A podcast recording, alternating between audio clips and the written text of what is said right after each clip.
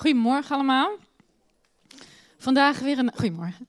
Vandaag weer een uh, preek in het kader van dimensies van discipelschap. En het thema is uh, feedback van anderen ontvangen. Misschien klinkt dat voor jou meer als, uh, als iets van je werk. Hè? Op je werk ben je aangenomen om een bepaalde functie te vervullen. En iemand anders heeft het recht om daar iets van te vinden. Om te zeggen wat er goed gaat, wat er niet goed gaat. Om je eigen functioneren te verbeteren, wat uiteindelijk ook het bedrijf ten goede komt. En het heeft een bepaalde zakelijkheid. En op je werk dus ook nog wel bepaalde, met een bepaalde professionaliteit uh, handelen. Maar waarom hoort dit onderwerp dan thuis in de kerk? We zijn elkaars broers en zussen. En daar ga je toch geen functiebeoordeling over geven? Het gaat in de kerk niet in eerste instantie om resultaten. Het gaat om wie je bent, om je persoonlijke geestelijke leven. En dat maakt het persoonlijk en kwetsbaar. Om wat meer uit te leggen waarom ik denk dat feedback ook in de kerk thuis hoort, wil ik beginnen met een verhaal. Er waren twee mannen aan het vissen. Ze waren, zaten aan een rivier en ze zagen verderop een brug. En die brug die viel bijna uit elkaar. En iedere keer dat ze er een auto over zagen gaan, schudde die hele brug gevaarlijk en brak er weer wat af. En ze zaten daarna met z'n tweeën naar te kijken. En op een gegeven moment komt er een grote, zware landrover en die rijdt er overheen. En de brug stort in.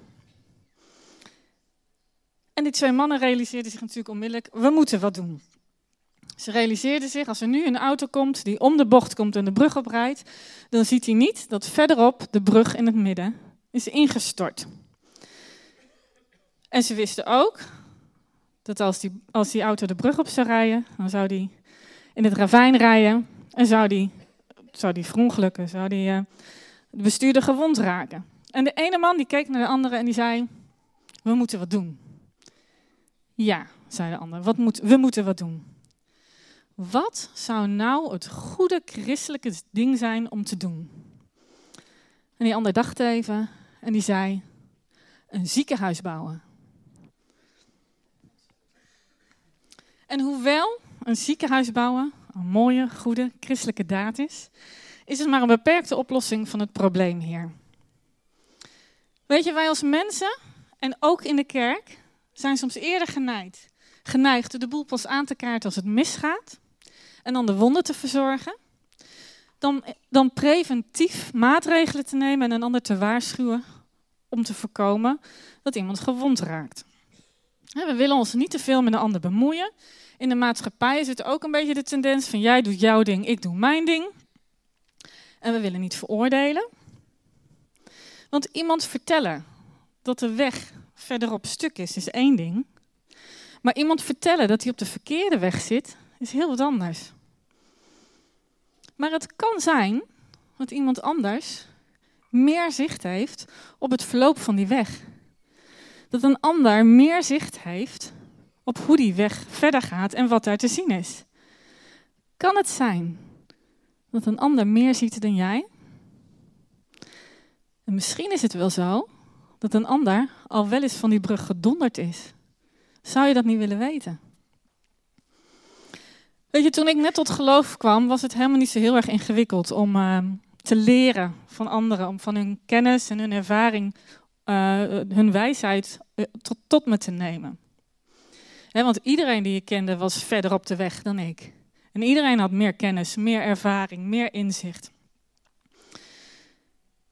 Dus het was niet zo moeilijk om uit, uit hun kennis en ervaring te putten, om raad te vragen. En het was ook niet zo heel moeilijk om feedback te vragen.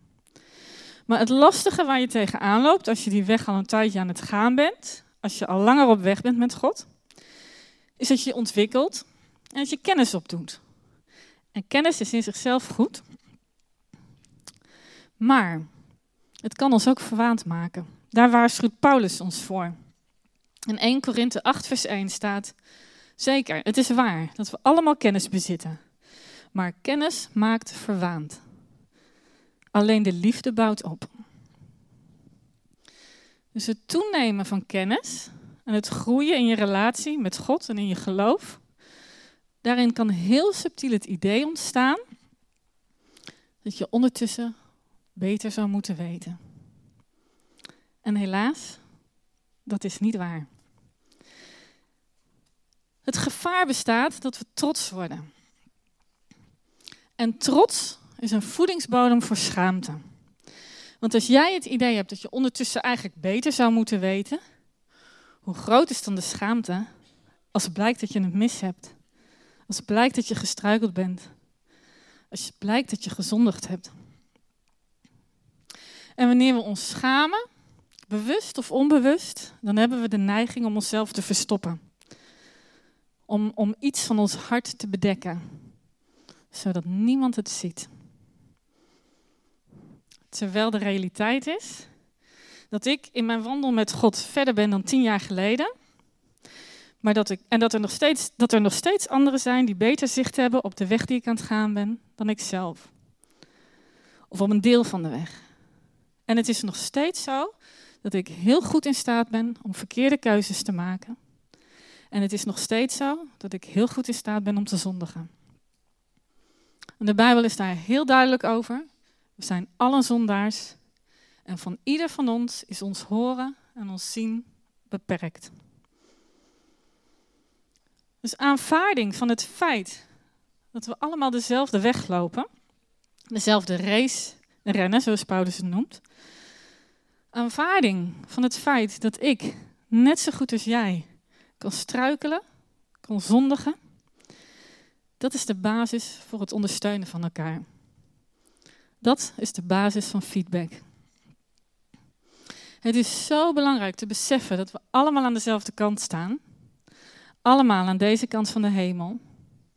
Allemaal in een gebroken wereld, in een gebroken leven. En het besef dat we allemaal in hetzelfde schuitje zitten. Hetzelfde gevecht voeren. En op een bepaalde manier dezelfde weg gaan. Dat geeft ruimte. Dat geeft ruimte om je verhaal met elkaar te delen. Dat geeft ruimte om jezelf te openen naar elkaar. Zodat je van elkaar kan leren. Zodat je elkaar kan ondersteunen. Dat je elkaar kan ondersteunen in het openen van je hart naar God. En ik ben ontzettend dankbaar voor de vriendschappen waarin wij elkaar de weg kunnen wijzen. Zo heb ik twee vriendinnen, met twee vriendinnen gebedsgroep of een triade, zoals je dat wil noemen. En we trekken al heel lang samen op. En we delen onze verhalen met elkaar. En in de loop van de jaren hebben we veel van elkaars verhalen gehoord en gedeeld. Dus zij kennen mij. Zij kennen mijn weg. Ze kennen mijn weg met God. Ze kennen mijn strubbelingen. En dat maakt dat ik dingen bij hen neer durf te leggen waar ik zelf niet uitkom. En het maakt dat ik wat zij zeggen serieus neem. Ze kennen mij. En we helpen elkaar om te elkaar eraan te herinneren wie wij zijn in Christus. Volledig aanvaard. Dochters van de Allerhoogste God. Dat we vergeven zijn. En we herinneren elkaar aan het feit dat we altijd bij Hem mogen komen, zonder schaamte. We herinneren elkaar eraan dat we bij Jezus horen. En dat wij van Hem zijn en dat Hij van ons is. En ik heb het nodig om eraan te herinnerd te worden dat ik zonder schroom bij de Vader mag komen. En ik heb het nodig om te horen dat ik daar genade vind. Helemaal als trots en schaamte zijn intrede doen. We zijn allemaal op weg en we hebben allemaal soms heel slecht zicht. En we hebben allemaal aanmoediging en steun nodig. We hebben elkaar nodig op onze weg met God. We hebben allemaal Gods genade nodig. We zijn één lichaam en alle delen van het lichaam hebben elkaar nodig. We hebben elkaar nodig. Weet je, en door de Bijbel heen spreekt God woorden van waardering en woorden van correctie uit. Woorden van waardering waarmee hij vertelt wie we zijn en hoe hij ons ziet. Woorden van correctie, waar we soms uh, eh, die we soms nodig hebben, zodat we kunnen groeien. En in dat uitspreken van woorden van waardering en woorden van correctie mogen wij op Hem lijken. En hoewel de kerk geen organisatie is met doelen en het een organisatie is waarin we samenkomen als broers en zussen. We trekken niet met elkaar op in een bepaalde functie. We zijn familie van elkaar. En ook al gaat het om ons geloofsleven, toch gaat het om, erom dat we ergens naartoe op weg zijn. We hebben wel een doel. We zijn ergens naartoe op weg. Romeinen 8, vers 29. Wie hij al van tevoren heeft uitgekozen, heeft hij er ook van tevoren toe bestemd om het evenbeeld te worden van zijn zoon, die de eerstgeborene moest zijn van talloze broers en zussen. God heeft ons geroepen om een evenbeeld te zijn van Jezus. En de weg die we gaan, het doel van discipelschap zoals je wil, is worden zoals Hij. En de feedback van anderen kan ons helpen om daarin te groeien. Bijvoorbeeld in de dingen waar je zelf onzeker over bent. Of in de dingen die je van jezelf niet ziet. En daarin kunnen we leren van Paulus, want hij is iemand die veel bemoedigt en heel duidelijk ook corrigeert. Hij roept ons op elkaar te helpen en te ondersteunen. 1 Thessalonicense 5 vers 11. Dus troost elkaar en wees elkaar tot voorbeeld, zoals u trouwens al doet. En ook profetie dient ten opbouw. 1 Korinthe 14 vers 3. Maar iemand die profeteert, spreekt tot mensen en wat hij zegt is opbouwend, troostend en bemoedigend. En hij roept ons op elkaar aan te spreken. Galaten 6 vers 1. Broeders en zusters, wanneer u merkt dat een van u een misstap heeft begaan, moet u, die door de geest geleid wordt, hem zachtmoedig weer op het rechte pad brengen. En dan komt er meteen achterna, mocht je verleid worden tot trots, pas op dat u zelf ook niet tot misstappen wordt verleid. Meteen de reminder, we zijn broers en zussen, allemaal op dezelfde weg, allemaal dezelfde race. Niemand staat boven verleiding. Nederigheid is gepast. Maar waarom vindt Paulus dit nou zo belangrijk? Waarom roept hij ons hiertoe op? Feedback, het elkaar bemoedigen en het elkaar aanspreken, helpt ons groeien in onze relatie met God. Weet je, we zongen net dat liedje. Weet je dat de Vader je kent? Weet je dat je van waarde bent? Weet je dat je een parel bent? Een parel in Gods hand. Hoe gaaf is dat om dat tegen elkaar te zeggen? Weet je dat je een parel bent? Bemoediging helpt je om jezelf te zien door de ogen van God. En dat hebben we nodig. We hebben nodig om gezien te worden en we hebben nodig om te horen dat wie wij zijn en wat we geven gewaardeerd wordt.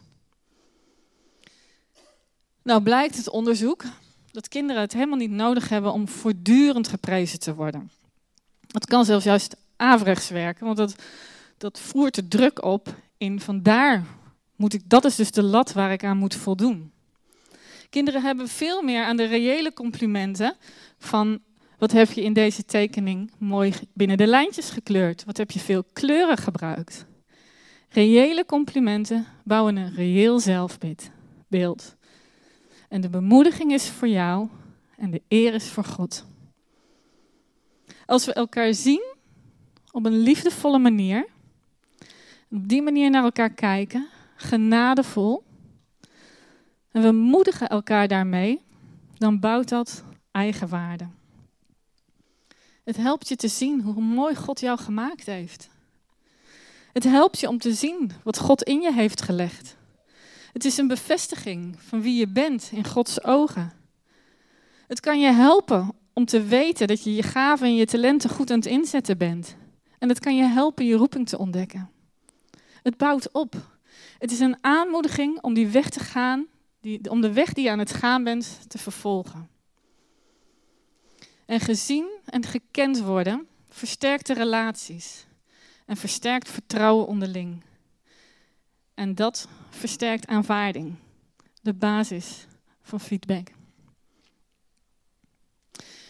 Feedback, bemoediging en het elkaar aanspreken, is ook een manier waarop God ons door de vriendschappen en door de gemeenschappen heen dichter naar Hem toe wil trekken. Wanneer we zo'n relatie met elkaar bouwen, waarin we elkaar aanvaarden, dan aanvaarden we dat we allemaal beperkt zijn. Dan helpt dat ons om eerlijk te zijn. Eerlijk naar onszelf, eerlijk naar elkaar en eerlijk naar God. En helaas is het zo dat we als mensen erg geneigd zijn om de dingen allemaal op onze eigen manier te doen. En helaas is het zo dat we allemaal kennen trots en schaamte. Dat was al in de tuin van Eden zo en dat is nog steeds zo. En wij hebben de neiging om onze onzekerheid of ons, onze kwetsbaarheid te bedekken of te verstoppen. En dan hebben we het soms nodig, hebben we soms een ander nodig om opnieuw met Gods ogen te kunnen kijken. Om Gods werkelijkheid te zien. Om, um, en om opnieuw met, om, om aangemoedigd te worden om opnieuw gehoorzaam te zijn aan Hem. En op die manier helpen we elkaar om door de Heilige Geest en door Gods waarheid te veranderen. Ik heb dit laatst nog ervaren. Toen uh, liep ik in mijn leven ergens tegenaan, waar ik wel vaker tegenaan loop. En ik weet niet of je dat kent, dat gevoel van, oh, daar ben ik weer. En ik begon te twijfelen over hoe het nou allemaal in elkaar zat. En uh, ik was helemaal in de war en ik, ik had geen scherp zicht meer. En ik besprak dat met een van die vriendinnen waar ik net over vertelde, van die triade. En zij zei heel resoluut, bijna streng, maar dat was goed. Nee, God heeft je laten zien hoe het zit. Daar hoef je niet aan te twijfelen. En toen dacht ik, oh ja. En op die manier kon ik de situatie, kreeg ik weer scherper beeld, weer helderder beeld. Kon ik weer zien hoe het ook weer in elkaar zat. En kon ik weer verder gaan op de weg die ik aan het gaan was. En omdat zij erbij was, toen God deze woorden over, tegen mij gesproken had, kon ik vertrouwen op wat ze zei. Zij hielp mij om opnieuw de dingen met Gods ogen te bekijken. En mijn blik verschoof van mijn zorgen naar God. Het hielp mij om mijn vertrouwen op God te zetten. Niet op mijn eigen inzicht. Op die manier kunnen we elkaar helpen. Kunnen we elkaar bij God brengen. Kunnen we elkaar helpen om ons hart te openen voor God. Waardoor Hij zijn licht op de situatie kan laten schijnen. En dat kan soms ingewikkeld zijn. Het kan ingewikkeld zijn om je hart te openen voor God. En het delen van je hart en het delen van je gebeden leert ons, leert ons uiteindelijk om onze zorgen bij Hem neer te leggen. Want wij liggen Hem na aan het hart. En wanneer je hier wel eens naar voren bent gekomen met, voor gebed, dan weet je hoe bevrijdend dat kan zijn. Feedback, bemoedigen, elkaar aanspreken, helpt ons groeien in ons geloof. Een ander aspect van feedback is dat het ons kan helpen om alle aspecten van ons leven toe te wijden aan God. Weet je, die tekst die we net lazen uit Gelaten 6, die roept ons op iemand die een misstap heeft begaan, om die persoon liefdevol, zachtmoedig weer op het rechte pad te brengen. Nou, dit is waar ik het in het begin ook over had. Hè? Het is één ding om iemand te vertellen dat de weg verder op stuk is. Het is wat anders om iemand te vertellen: hé, hey, je hebt een verkeerde afslag genomen, je zit op de verkeerde weg. Feedback ontvangen is kwetsbaar, maar feedback geven kan ook heel kwetsbaar zijn. Want wie ben jij om te zeggen dat een ander op de verkeerde weg zit? Oordeel niet, dat er ook niet over jou geoordeeld wordt. Scherper nog, in Matthäus 7, vers 3 tot en met 5. Waarom kijk je naar de splinter in het oog van je broeder of je zuster, terwijl je de balk in je eigen oog niet opmerkt? Hoe kun je, tegen, hoe kun je tegen hen zeggen? Laat mij die splinter uit je oog halen, verwijderen. Zolang je nog een balk in je eigen oog hebt. Huigelaar. Verwijder eerst de balk uit je eigen oog. Pas dan zul je scherp genoeg zien om de splinter uit het oog van je broeder of zuster te verwijderen. Huigelaar. Scherpe woorden. Maar wat Jezus hier aanspreekt, is hypocriet gedrag. Het is niet zo dat hij zegt, we mogen, jullie mogen elkaar niet aanspreken. Het gaat erom dat we altijd ook naar onszelf blijven kijken. We zijn allemaal zondaar. We hebben allemaal beperkt zicht. We horen allemaal beperkt. En als je denkt dat je stevig staat, pas op dat je niet valt. Als we ons bewust zijn van de balk in ons eigen oog, zijn we liefdevoller en gevoeliger om de ander te helpen met het verwijderen van de splinter. Sterker nog, het is pas liefdeloos en pijnlijk om als we de splinter bij de ander zien, om die te laten zitten. Maar als je de balk uit je eigen oog eerst verwijderd hebt, dan heb je goed zicht, scherp zicht, om dat kleine splintertje bij de ander te verwijderen. Jezus geeft deze tekst dus als een hart, om een voorbeeld te geven over de hartsgesteldheid. En hij geeft een volgorde aan. Maar wat moeten we dan met die tekst? Dat liefde alle fouten toedekt. Spreuken 10, vers 12. Haat brengt ruzie voort. Liefde dekt alle fouten toe. Hoe zit dat dan? Het lijkt hier alsof Salomo zegt dat, we elkaar, dat elkaars fouten benoemen geen liefde is. Want liefde zou het toedekken. Nou, dan moet ik altijd denken aan het sprookje van de kleren van de keizer. Van uh, Andersen, ik weet niet of jullie die kennen. Een keizer die heel erg van mooie kleren hield, uh, kreeg bezoek van twee bedriegers. Die zouden de mooiste kleren voor hem maken. Zo mooi dat je ze niet kon zien. Alleen domme mensen zouden, hem, zouden ze kunnen zien. En omdat niemand dom wilde zijn, durfde niemand te zeggen dat hij niks zag. En omdat niemand de waarheid durfde te zeggen, reed de keizer uiteindelijk naakt door de stad. En uiteindelijk lachte iedereen in de stad hem uit. Nou, het is natuurlijk een beetje een andere metafoor in dat sprookje. Maar als jij de keizer was, zou jij niet willen weten dat je in je naakje staat? Uiteindelijk ziet iedereen het toch. En in de metafoor van de brug is het liefde om de ander niet te waarschuwen dat de brug verderop kapot is? Als je meer van spreuken leest, dan ontdek je ook dat Salomo echt wat anders voor staat. een paar verder, versen verderop zegt hij: Wie zich laat terechtwijzen, is op weg naar een gelukkig leven. Wie zich niet berispen laat, bevindt zich op een dwaalspoor. En uh, nog verder, 12 vers 15. Een dwaas denkt dat hij de juiste weg gaat. Wie wijs is, luistert naar goede raad. Het is wijs om naar de raad van anderen te luisteren. En zo kun je er nog veel meer vinden. En volgens mij zijn hier twee sleutels waar het hier om gaat: liefde en waarheid. Wanneer we in staat zijn om waarheid op een liefdevolle manier te communiceren en de waardigheid van de anderen voor ogen te houden, dan is feedback een zegen. Het helpt je groeien in je geloof. Waarheid zonder liefde is hard en veroordelend. Liefde zonder waarheid is oppervlakkig en verwarrend. En dan komen we weer terug bij die, die tekst waar we mee begonnen, 1 Korinthe 8, vers 1. Zeker, het is waar dat we alle kennis bezitten. Maar kennis maakt verwaand. Alleen de liefde bouwt op. Het is liefde die opbouwt. En wat jij bij de ander ziet, kan waarheid zijn, maar het is liefde wat uiteindelijk opbouwt. Liefde verheugt zich in de waarheid. En waarheid maakt vrij. Vrij om te groeien. Wat een vrijheid. Om in relatie te leven met elkaar, waarin je gewoon jezelf mag zijn.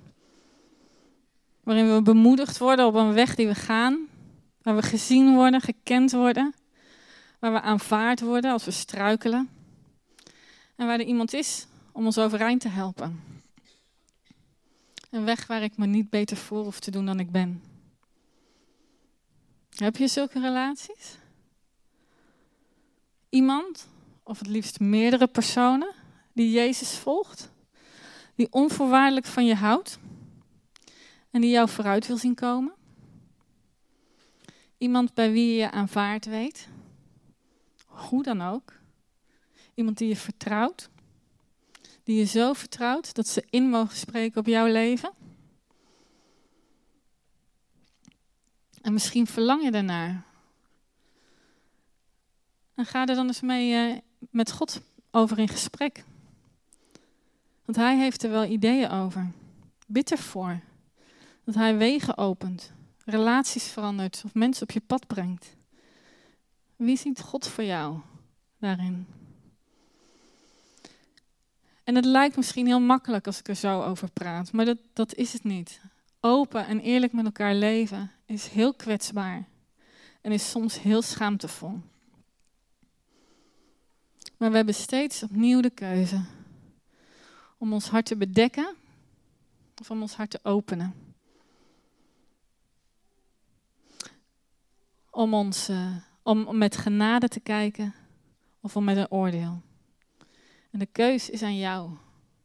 Wat doe je? Feedback. Met elkaar bemoedigen. Elkaar aanspreken. Het helpt ons groeien. Groeien in wie we zijn. En groeien in onze relatie met God als volgelingen van Jezus. Een aanvaarding van elkaar volgt op het diepe besef dat we allemaal onderweg zijn op dezelfde weg. En dat we allemaal op een of andere manier beperkt zicht kunnen hebben. Dat maakt dat we elkaar nodig hebben. Met feedback helpen we elkaar. In, om te zien wie we zijn. Helpen we elkaar om in onze gaven en onze roeping te gaan staan. Met feedback helpen we elkaar om, uh, om ons hart weer te openen de vader, voor de Vader.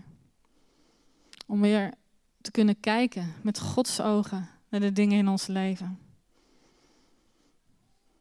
Wanneer we elkaar aanspreken, helpen we elkaar om alle aspecten van ons leven toe te wijden aan God.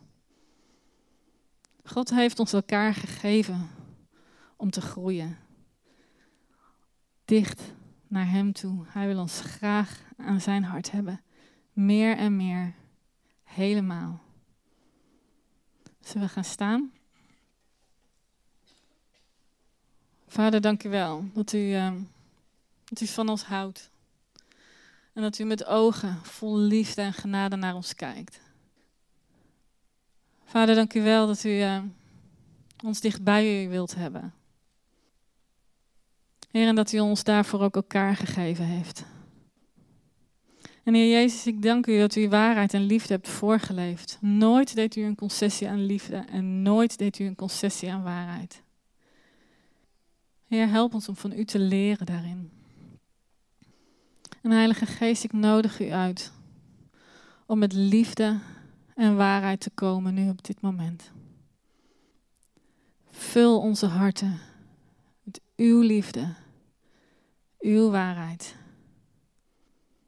ons hart, onze relaties, onze gemeente. Laat liefde en waarheid toenemen in ons leven en in ons midden. Heer, en help ons om elkaar te zien met uw ogen. Om elkaar aan te moedigen, elkaar overeind te helpen. Om elkaar de juiste weg te wijzen. Vul ons met uw liefde daarvoor. En help ons om steeds opnieuw te kiezen voor een open hart, voor genade. Heer, we zongen het net en we bidden het nu. We spreken het uit naar u. Ik open mijn hart voor u. Komt u maar binnen. Wees thuis in mijn leven. En vader, ik bid dat u ieder van ons zegent met zulke relaties. Relaties vol liefde en waarheid. Kom, Heilige Geest.